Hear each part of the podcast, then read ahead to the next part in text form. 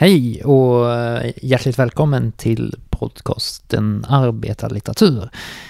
Den här gången är det ett lite speciellt avsnitt. Det var nämligen så att vi i september besökte Statarmuseet under litteraturrundan i Skåne. Och då pratade vi om eh, vittnesmål och litteratur kopplat till bland annat eh, statarlitteraturen. Vilka möjligheter finns i vittnesmålet? Eh, hur vittnar man? Marie Hollander, min eh, goda poddkollega, eh, fick vara expert den här gången eftersom hon har skrivit en avhandling om vittnande.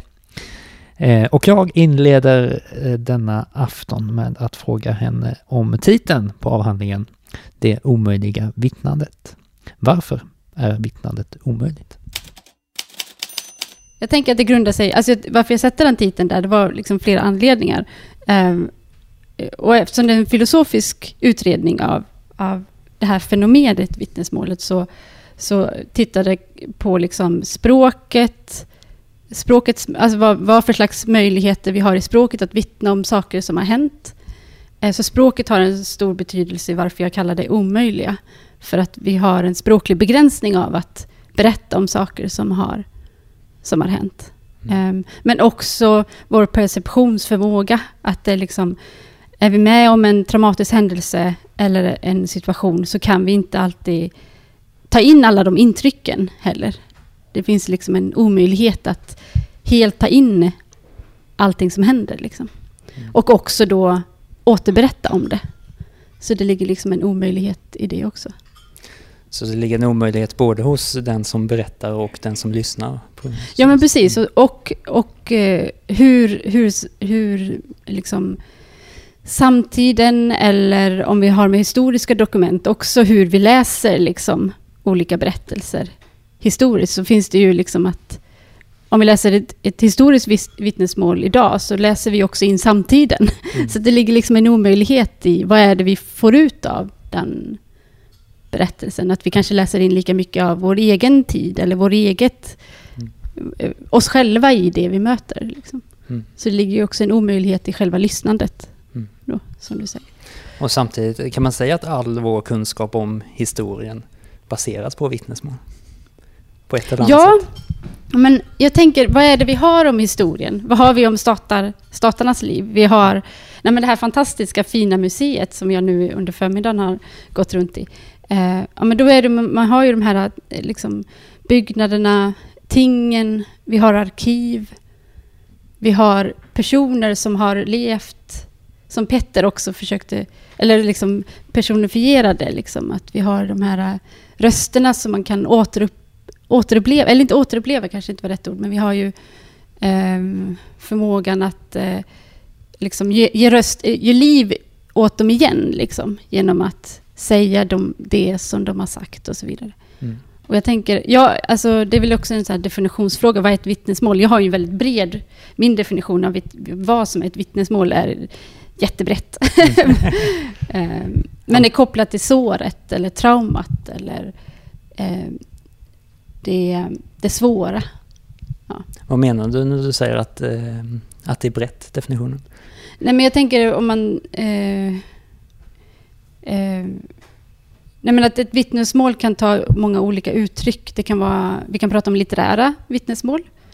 Vi kan prata om eh, vittnesmål... Eh, eh, I daglig termer så kan man ju säga att ja, någon vittnade om någonting.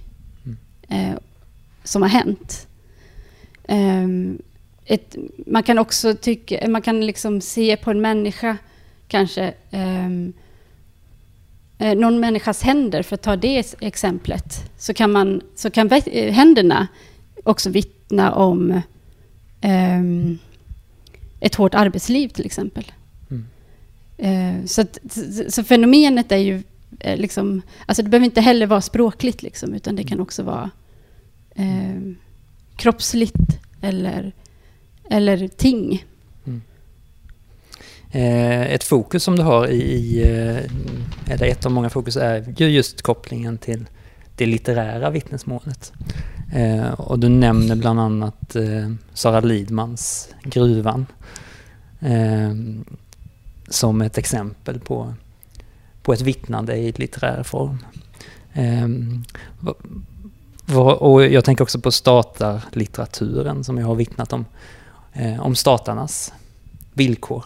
Eh, om man ska vända på det, vad, vi, vi, du säger, alltså dels eh, finns det omöjligheter i vittnandet, men vilka möjligheter finns?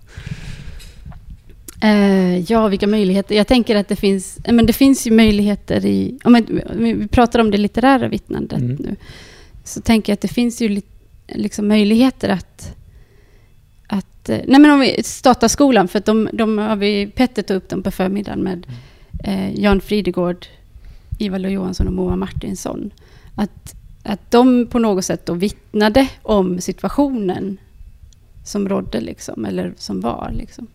Um, och också att de kunde genom det skapa opinion eller och, och eh, liksom, kanske hade liksom en eh, tudelad betydelse. Dels av att det var berättelser som skulle kunna skapa ett gemens, en gemenskap med, med människor som satt i samma situation som litteraturen eh, skildrade. Men också att den kunde Eh, visa hur situationen är för människor som inte befinner sig i den situationen. Mm. Um, ja. Mm. Och att där... Alltså jag, jag vet, alltså, jag tänker precis likadant som man säger så här, är, är det här vittneslitteratur? Och att det kan också bli tvärtom. Att det blir liksom... Man säger att vissa berättelser är vittneslitteratur. Eh, och också som ett sätt att förringa litteraturen och ta bort dess litterära kvaliteter och säga det här är en enskild berättelse som berättar om en enskild händelse. Mm. Den har liksom nästan inga andra litterära estetiska kvaliteter utan den har bara en funktion av att vittna om en händelse. Mm. Och att det också blir att förringa. Mm. Och jag tänker, men jag tänker Stataskolan, att de också har det estetiska kvaliteter och det är därför de också läses idag. Mm. Eh, man... Och att de egentligen inte var... Förlåt att jag bara babblar. Men att de egentligen inte kanske var intresserade av sanningen. De var intresserade av, mm. av littera, litteratur, liksom, när mm. de skrev också. Men jag tänker också som alltså, berättelsens dramaturgi som en viktig del för vittnesmålet. Ehm, att det finns ingredienser i hur vi, kan, hur vi berättar en historia som skapar intresse. Ehm, och vad, vad, kan man säga om, om, om eh, liksom berättelsens funktion, alltså berättandets funktion för vittnesmålet? Men jag, jag, um, jag tänker, om vi tar vittnesmål inom juridiken och så också, men även litteraturen, Ja, det är två helt skilda fält, liksom. Mm. Så jag vet inte riktigt. Men också att vi... Ja, men tanken var väl att... Jo, men precis som du säger, att vi förväntar oss ett vittnesmål, att han har en viss dramaturgi, att han har en början och ett slut, att han vill någonting kanske. Att han har en riktning, liksom. Mm. Um, men jag, tänk, jag tänker att det... När vi förväntar oss det så förväntar vi oss... Alltså det blir också en begränsning, liksom, i vår läsning av vittnesmål. Mm.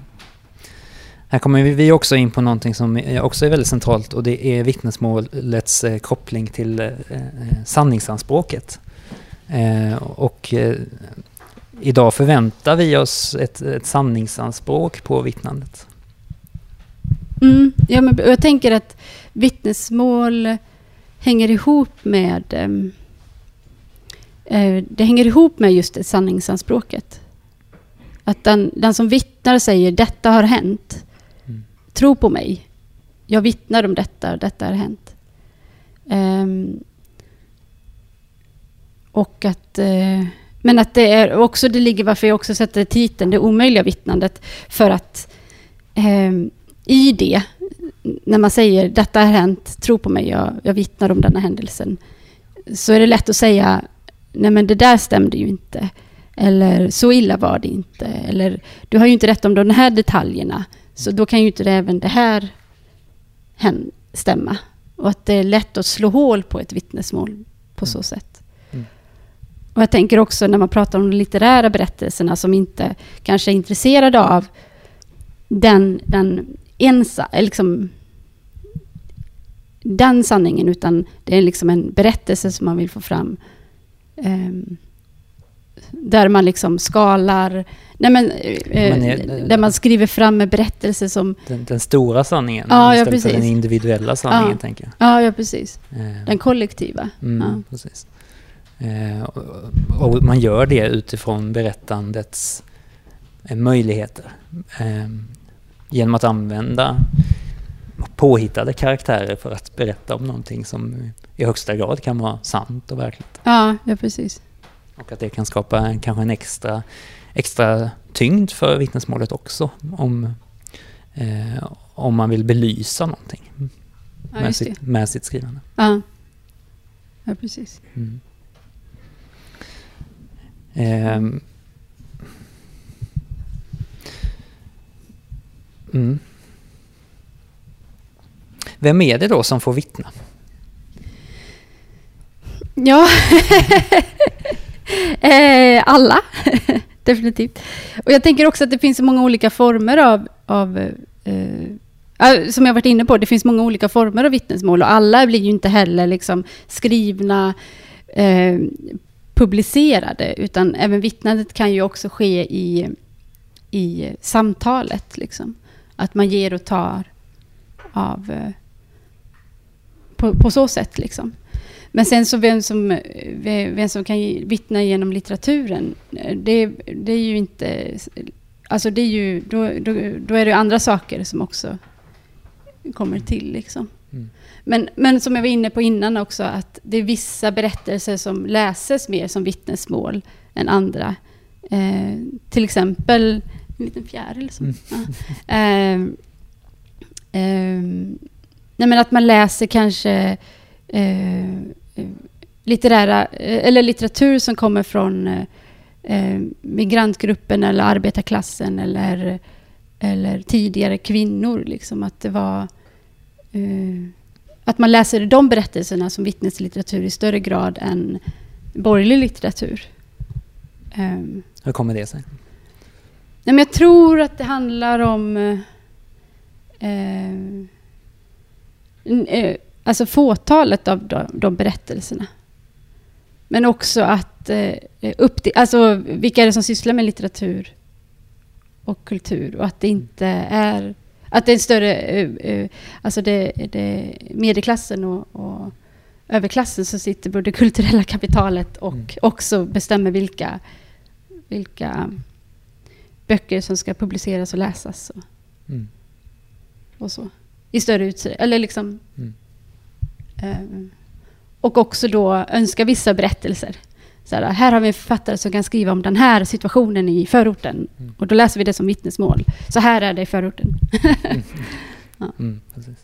Eh, och det finns också, eh, alltså man kan se på vittnesmålet ur, eh, i, i kapitalismen som vem, vem som har, vems berättelse som ges ut och, och vem, eh, alltså det finns, finns väldigt många självbiografier av kändisar och så vidare. Eh, som också är en form av vittnesmål. Ja. Och som säljer, ja. tänker jag. Att vi har ett sälj, säljaspekt av vems vittnesmål som är, som är värt att lyssna på. Just det. Och att, och att återigen, samma logik, liksom det här eh, att man kan i princip kapitalisera, alltså man kan ju göra, gå, eh, ja, eh, eh, sälja mycket böcker eller, eller så genom att sälja trasiga historier. Liksom. Mm, ja, Ja. Ehm, vi kan också prata om, om ehm, det finns en liten diskussion om, om kollektivt och individuellt vittnesmål. Ehm, jag tror det är Christian Lundberg som har skrivit att jag kan inte berätta allas historia eh, i inledningen av Jarden. Å andra sidan är ju det lite kanske vad de tidiga arbetarförfattarna just ägnade sig åt. Att vilja berätta kollektivromaner. Eh, att vilja skildra en hel klass förutsättningar. Eh, hur kan man se på... Eh, jag tänker att idag när vi säger vittnesmål så tänker vi vittnesmålet som individuellt. Kan man vittna för ett, för ett kollektiv? Ja, men jag, eh, ja, men jag håller med att det ligger någonting i eh, att vittnesmålet eh, eller vittnandet är individuellt, att det riktar sig mot en individ som träder fram. Ehm, och att det är... Det finns exempel som jag tar upp i boken, till exempel en, en de kallar sig själva The Latina Feminist Group, som just en, eller publicerar en bok, i, detta är 90-tal i USA, eh, och publicerar en bok med anonyma vittnesmål blandat med vittnesmål i form av dikter, små eh, eh, liksom essäer eller och liksom noveller och så. Vissa är anonyma, andra är med namn. Och sen är det ett förord. Lika, liknar väldigt mycket om ni känner till Gruva som, jag också, som vi pratade om, liksom, som har liksom, olika individuella berättelser. Eh, och sen Sara Lidmans förord liksom, i den här, de här kollektiva berättelserna. Um, Sara Lidmans bok är också anonyma berättelser. Liksom. Mm. Och ja, vad jag tänkte så, de i den här, det här exemplet, det, tell, eh, den heter tell, eh, oj, Telling Stories, Telling Life, någonting sånt där. Snart kommer jag på det. den ligger långt bak. Eh, eh, men de använder sig av det kollektiva. De säger att testimonio är kollektivt. Det är någonting vi gör tillsammans. Liksom. Men, och just vänder på det från den det här liksom förståelsen av det individuella vittnesmålet. Som jag tänker är, bygger på... Eh, ja, men man tänker sig vittnesmålet som det individuella vittnandet. Liksom. Mm. Eh, och har också sett ut på det sättet. Liksom. Mm. Eh, men jag tänkte, jag, du var inne på det, liksom, det här, liksom, de tre som vi har nämnt, Jan Fridegård och Moa mm. Martinsson och Ivar Lo Johansson, att de skrev om kollektivet i större utsträckning och medan då eh, Lundberg, Christian Lundberg skriver, jag kan inte berätta allas historia. Mm.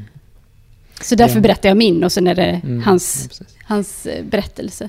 Ja, men, att, eller ja, vad tänker du kring men, det? Nu slänger jag tillbaka ja, Nej, men Jag tänker att Ivar Lo-Johansson experimenterade med kollektivromanen. Att inte ha en individ som huvudperson utan berätta om ett kollektiv helt enkelt. Um, och att det fanns eh, kanske ja, men ideologiska orsaker till det. Att han ville göra på det viset. Um, det tänker jag väl. Um, men sen tänker jag också eh, om, för du är inne lite på det i din avhandling också, att, att, det, kollekt, att, att det kollektiva vittnesmålet eh, har ju också problem. Alltså varför skulle, varför skulle min berättelse kunna stå som berättelse för någon annan? Och hur man gör ett, ett, ett anspråk på någon annans berättelse. Mm. Ja, ja, precis. Och att man... Um Ja, och jag, jag, jag, tänker att den, varför vi inte har lika mycket kollektiv... det kanske vi har, jag vet inte. Jag är inte den som ska svara på den frågan, om vi har kollektivromaner och så vidare. Det har vi väl. Alltså, det finns, det finns ju. Men att eh, det kanske ändå, att det inte lika stor utsträckning, kan man säga så, eh, bygger på det individuella samhället. Och, eller? Och, men också rädslan för att, att skildra kollektivet kanske? Eller? Mm. Ja, men jag tänker också att man, man, man kan... Eh, alltså att göra anspråk på att berätta någon annans historia. Alltså det behöver ju inte vara så att, att bara för att man, man, man, man tillhör en viss grupp eh, lantarbetare så att säga, att, att de, de berättelserna är generella för alla lantarbetare heller. Utan att de faktiskt kan, kan skymma, vilket du är inne på, kan skymma andras berättelser. Eh, att det, eh, att, att, att det finns en risk att, att, att vittnesmål helt enkelt är, kan vara ett hinder också. Nej, just det. Att det ställer sig i vägen för mm. Eh, den kollektiva berättelsen. Mm. Eller? Ja. ja, precis. Mm. Och att, eller att, eh, att man tänker att sin egen berättelse eller de här berättelserna ska infogas i den här, den här berättelsen. Mm. Att den, den krymper istället för vidgar. Liksom. Mm. Ja. Ja, precis.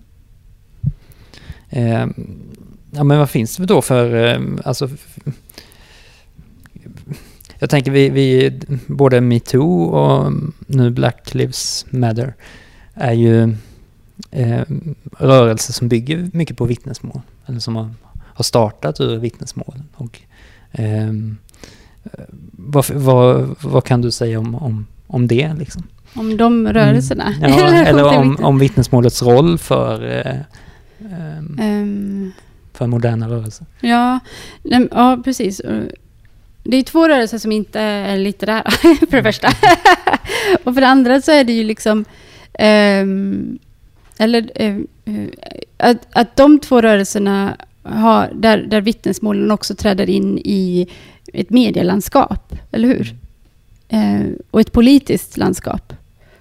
Um, um, av liksom... Nu metoo var ju två, tre år sedan. Mm. Och Black Lives Matter nu ja, det har väl pågått och någonting som har kommit tillbaka. Alltså liksom en rörelse som har gått fram och tillbaka. Um,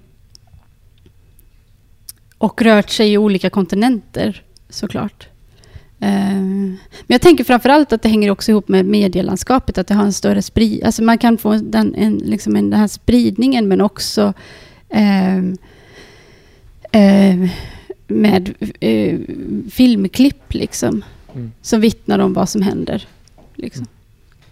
Vilket också kan leda till liksom, bilden som vittnesmål. Att bilden har en funktion i dagens medielandskap också ha av det autentiska, av det, detta är sanningen. Mm. Av det, genom bilden så kan vi berätta om det som hänt. Liksom. Mm. Ja. Kanske i större utsträckning än i liksom, tryckt, alltså än i ord. Liksom. Och att det kanske finns en risk med en övertro på på, på bilden. Vad visar, vad, vad, vad, finns utanför bilden så att säga? Ja, ja precis. Det är ofta en fråga. Ja. Um, men jag tänker liksom uh, att, att pressens framväxt under 1800-talet och att uh, den realistiska romanen, att allt det här hänger samman. Att vi, Ehm, och du nämner också här att eh, vi lever i vittnesmålets århundrade. Ehm, och jag tänker att det är det du tänker på, att, att, ehm, att vår moderna press och framväxt av sociala medier. Och, eh, och jag skulle vilja hävda också att metoo också är, kan ses som en litterär rörelse. I form av att, att det finns ett vittnande på Facebook till exempel eh, om, om andra saker också som till exempel ehm, eh, sitt arbete. Att många, många uttrycker frustration över sitt arbete till exempel på via Facebook. Eh, och även om inte det är en, en arbetarlitterär bok så är det ganska besläktat som ett vittnesmål över det moderna arbetslivet. Tänker Ja, ja precis. Um, ja, ja, men jag, jag, och att de här olika nya medielandskapen liksom skapar olika forum för, för att få ut berättelser. Liksom. Mm. Eh, och att man också söker efter berättelser. Eller skapar forum för att kunna för mm. att kunna prata och samtala liksom om, om eh, situationer. Mm. Ja, precis. Ja. Um, det är ju en avhandling i pedagogik Eh, och vad du har undersökt är eh, hur vittnesmålet kan, kan användas i klassrummet. Eh, och, det finns en övertro kanske, på att vittnesmål per automatik ska leda till empati. Vilket i sin tur ska leda till en social förändring, en politisk förändring. Mm. Ja men precis, det är en, ett av kapitlen tar upp den, den tråden. Att det finns att det fin jag tänker också att media kan jobba på det sättet. Att de tänker att ja, men tar vi in den här personliga berättelsen som vittnar om vad som har hänt eller även litteraturen, att den ska kunna liksom bidra till en förståelse för människor som lever i utsatta positioner. Och att det i sin tur ska leda till någon slags empati eller medkänsla eller eh, inkänning eller något sånt där. Och att det i sin tur ska kunna leda till förändring. Alltså mm. det är mm. många, många steg liksom, mm. från, från det ena till det andra. Liksom. Um, och det, eller jag tar upp Forum för levande historia som också eh, som ett exempel på hur så här, men, när man blir berörd av någonting så kan man också liksom agera på den, på den känslan. Liksom. Um, vilket jag problematiserar i ett av de här kapitlen. Uh, genom att säga också att men den, här, den här logiken uh, följer inte alltid. Vi kan också bli passiva och också den här utökade mediemängden av de här berättelserna som hela tiden um, uh, kommer mot den. Att man kan också passiviseras av det. Eller mm. tränga bort det. Eller Eller... eh, Ja. Mm. Och kanske också då litterära berättelser. Eller liksom att man bara läser det som... Ja, jag vet inte. Ja. Eh, vad är det då som gör att ett vittnesmål får eh, legitimitet? Ehm, ja, vad bra fråga. Jag tänker, jag, jag använder en filosof framförallt i, i den här boken. Och det är en italiensk filosof som heter Giorgio Agamben. Som är, eh, jag brukar säga, han är inte död. Många filosofer kan vara döda när man använder dem. Han lever idag. Um, han har en bok som heter Remnants of Auschwitz som jag framförallt grundar på, eller på det. Och han, har, han, han, han, han skriver också om det omöjliga vittnandet som är liksom det här centralt begrepp. Det, eh, och läser den, också en italiensk författare, eh, matemat, ja sak samma, eh, Primo Levi som skrev de här eh, Är detta en människa? och eh, bland annat den boken. Eh, och bygger liksom sin filosofi kring de här olika vittnesmålen från Auschwitz. Men i alla fall, lång introduktion kring, vad var frågan? kring... Ja, hur eh, ett vittnesmål Ja, men han har en fin formulering i slutet och jag tänker att eh, eh, eh, vittnesmålen vinner legitimitet genom att vi talar om, vi ger röst åt de här rösterna från historien och från nuet, från samtiden. Det är liksom vi, vi andra, genom att ge utrymme till de här rösterna så får de också legitimitet. Mm. Så jag tänker vad, vad ett sånt här museum också gör, det är ju att de legitimerar. Era, le, era liv räknades. Era Mm. liv är värda att berätta någonting om. Och att genom det så legitimerar vi också deras röster och liv. Liksom. Mm. Och jag tycker att det är en fin förståelse som Agamben... Alltså det, det, det, det följer jag med mig. Liksom. Ja. Sådär. Det är vi som är legitimerar, ingen annan. Det Mm. krävs ingen stämpel eller någonting sånt där, utan det, det är vi som gör det. Mm. Det är vackert. Det är fint. Mm, ja, precis. Ehm, Ja, för jag tänker att, att även alltså, i, i tider när vi pratar om fake news och så vidare, att, att, eh, att, att, att det handlar på något sätt om att vad som helst kan få legitimitet. Liksom. Så, länge, så länge vi ger det legitimitet eh, och säger att det, det är ett legitimt vittnesmål, det, detta är sant, så spelar det ingen roll om det har varit sant kanske. Ja, det är något precis. annat som avgör om, om vittnesmålet kan betraktas som sant och legitimt än, Ja, än vittnesmålet i sig. ja. ja, men precis. Och att, eh, jo, så är det väl. Och det kan ju vändas mot vittnesmålets fördel och nackdel, tänker jag. Mm. Eller? Mm. Ja. Mm. Absolut. Mm.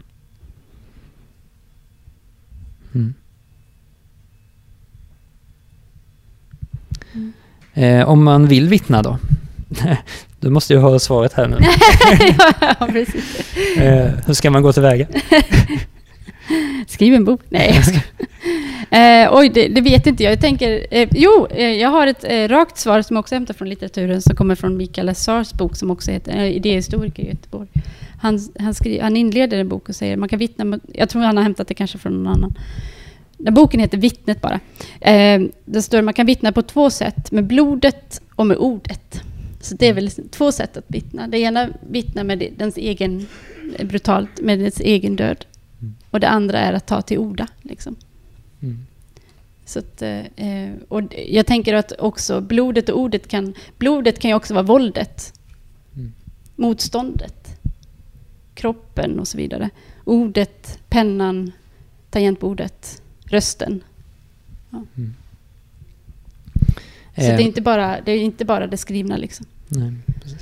Det finns uppenbarligen också en kraft i, i eh, det kollektiva vittnesmålet på så sätt att eh, om många vittnar om samma sak så kan det få en väldig tyngd, tänker Ja, ja precis. Till exempel Black Lives Matter Mm. eller metoo. jag. Mm. Ja. Eller, eh, ja, den mäng, eller starta, mängden statarlitteratur. eller mängden Mm. statarlitteratur. Ja. Att det till och med blir en egen genre och Ja. en egen statarskola. Ja.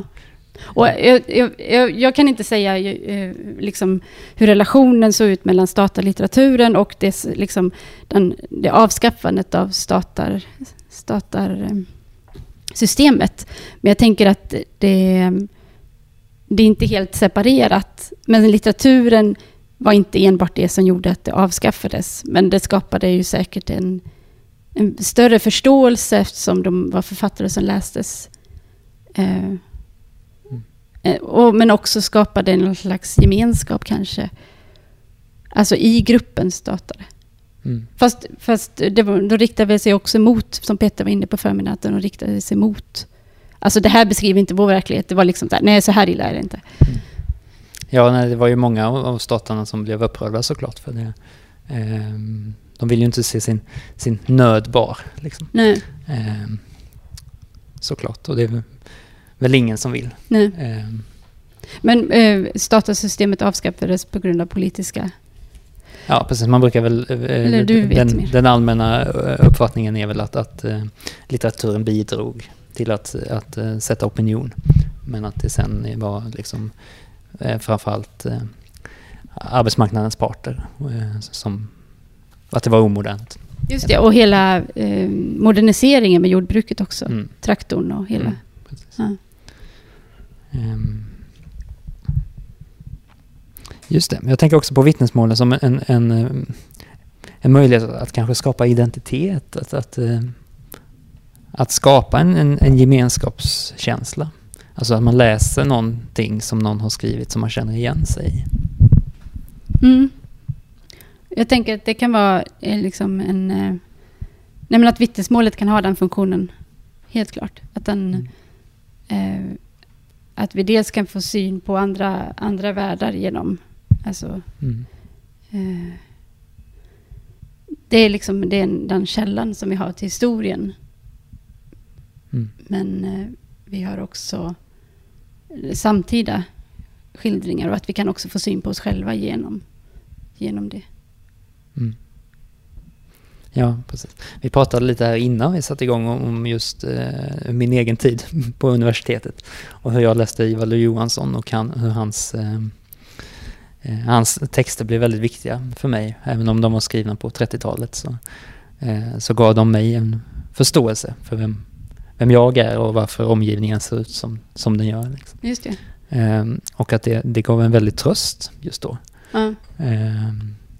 Att någon kunde sätta ord på, på min verklighet. Och jag tänker att det ofta att vittnesmålet kan ha den effekten, att man känner igen sig. Och liksom, eh, det är väldigt viktigt att, att, att, eh, att beskriva, kanske framförallt miljöer som inte finns beskrivna.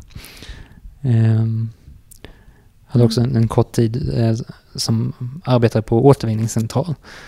Eh, och jag kom inte på en enda bok som skildrade arbetet på en återvinningscentral. Eh, och då kände jag att där hade jag behövt Just det, du behövde en, lit, Ja. en litterär skildring. någon som kunde, Eller en skildring. Liksom. ja, någon som Ja. kunde beskriva verkligheten där för mig. Så att jag, eh, som kunde dela mina erfarenheter. Ja. Men jag tänker att det, det blir väl en större fråga också. Vad, vad, vad kan litteratur göra? Och att litteratur kan just dela verkligheter. Eh, och inte bara i samtiden utan också historiskt. Att vi kan liksom ta del av berättelser och sen känna igen oss eller inte känna igen oss. Mm. Eh, och se oss själva. Eller inte se oss själva. Lika väl. Liksom. Mm. Alltså litteratur kan ju också vara verklighetsflykt. Mm. Eh, och att dra sig in i en värld som inte är ens egen. Ja, Jag tänk, ja, absolut. helt klart. Eh, det kan, dels kan det vara det, men, eh, och ju då samtidigt som det ju kan vara eh, faktiskt en möjlighet att föreställa sig en annan värld. Ja, ja, exakt. Och att man kan liksom också då genom det skapa kanske förändring. Mm. Eftersom man har föreställt sig en annan värld. Jag behöver inte Ja. tänka bara den här Nej, diskhon. nej, utan det, nå- det finns någonting bortanför min diskbänk. Mm. Mm. Vittnesmålets eh, dialektik. Ja. Fast disk, ja, jag, jag, jag tänker liksom att vittnesmålet... Det finns en koppling mellan vittnandet och vittne till traumat och såret. Liksom. Det är liksom det svåra. Så att jag tänker en annan värld kanske är någonting... Det är rikedom. det är kungar, det är. Vad menar du när du säger eh, eh, såret? Du använder det som en eh, slags metafor? Ja, ja, men precis. Men trauma på grekiska, det betyder sår. Sår i Mhm. själen. Okej. Eh, eller, och tidigare betydde också det eh, eh, sår på kroppen eller liksom så. Så att det finns en koppling mellan ehm, eh, eh, vittnesmål och, och, och såret. Eh, ja, men precis, det blir en metafor för, för, för trauma. Mm.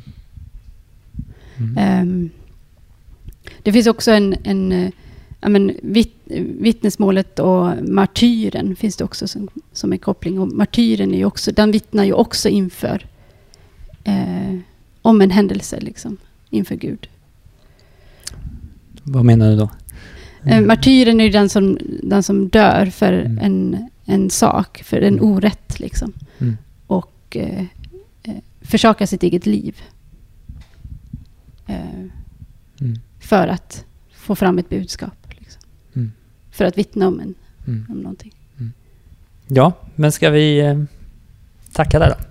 Tack för att vi Ja. fick komma och ta, tack Tacka för Statamuseet. Petter och Och- Statamuseet. Ska vi tacka ABF eller vill du göra Då tackar vi också ABF som står för eh, livesändningen här. Ja, Eh, och tack för eh, samtalet och publiken. ja, fantastiskt. Fantastiskt.